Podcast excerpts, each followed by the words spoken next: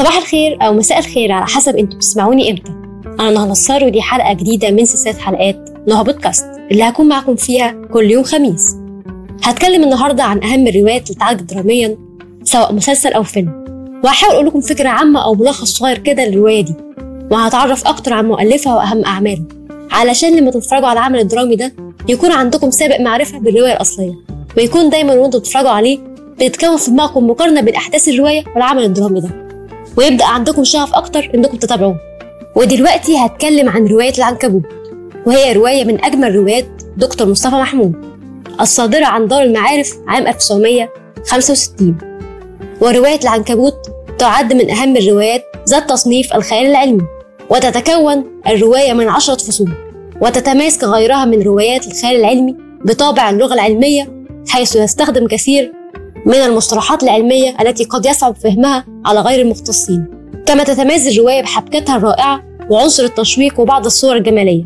وفي عام 1973 تم اقتباس مسلسل العنكبوت عن قصة دكتور مصطفى محمود وهو مسلسل أبيض وأسود من بطولة محمود المليجي وعزة العلايلي ومديحة كامل وهو من المسلسلات المصرية القليلة التي تناولت قصة من الخيال العلمي. وتبدأ أحداث رواية العنكبوت في يوم أحد غائم في شتاء 1958 عندما يزور عيادة الدكتور محمد داوود شاب نحيل ذو وجه شاحب يدعى راغب دميان وتم تحويله عن طريق طبيب آخر. كان ذلك الطبيب يشتبه في ورم بالمخ لذا حوله لدكتور محمد داوود الحاصل على دكتوراه في جراحة المخ والأعصاب من جامعة برلين وأثناء الفحص الطبي يدخل راغب دميان في غيبوبة. ويتحدث بلغة إسبانية فصيحة وكأنها لغته الأم. بعد دقائق يعود إلى وعيه غير مدرك ما كان يقول. منذ ذلك اليوم يصبح راغب دميان شغل دكتور محمد داوود الشاغل فجميع فحوصه تنفي إصابته برم في المخ. ويقرر ذات يوم أن يذهب إلى شقته حيث وجد بغرفة نومه خطيبته ميتة.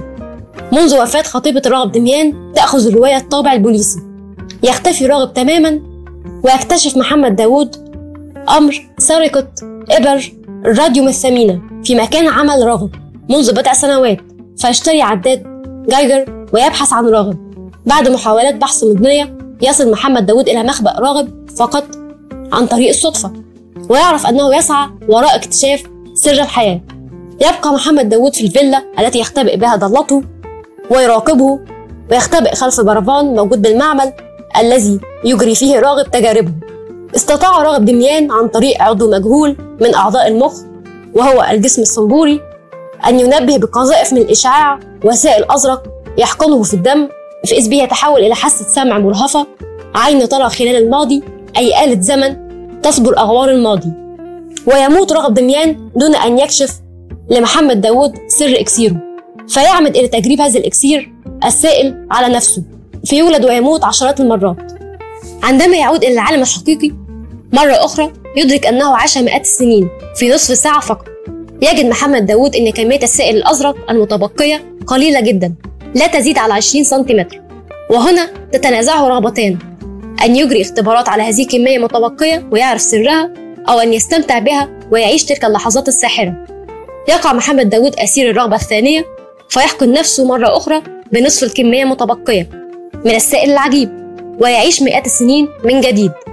وبعد الفراغ من جولته يجلس ليكتب كل ما رآه. وبعد أن يسجل كل اللحظات التي مر بها يلاحظ أن السائل المتبقي قد تغير لونه ورغم ذلك يحقن نفسه به فتكون نهايته. يتم العثور عليه بعد ذلك بساعات ميتا في معمل دميان المحترق إثر شرارة كهربائية مجهولة المصدر. كما يتم العثور على المذكرات التي سجل فيها حكايته ومغامراته التي عاشها بفضل السائل الأزرق.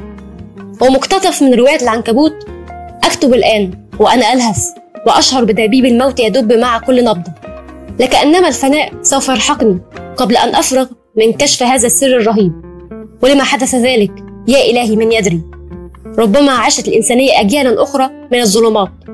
قبل أن تتجلى تلك الحقيقة الثمينة فلا يكشفها أحد. وتظل الحياة سرا مستغلقا ملغزا إلى الأبد. ودعوني أبدأ في القصة طويلة. ولأبدأ من البداية من عصر ذلك اليوم البعيد من ست سنوات. وبكده انتهت حلقة النهاردة من نوع بودكاست. ما تنسوش تعملوا like و subscribe ولو في عندكم أي اقتراح على الحلقة الجاية شاركوني بيه في ال comments. bye!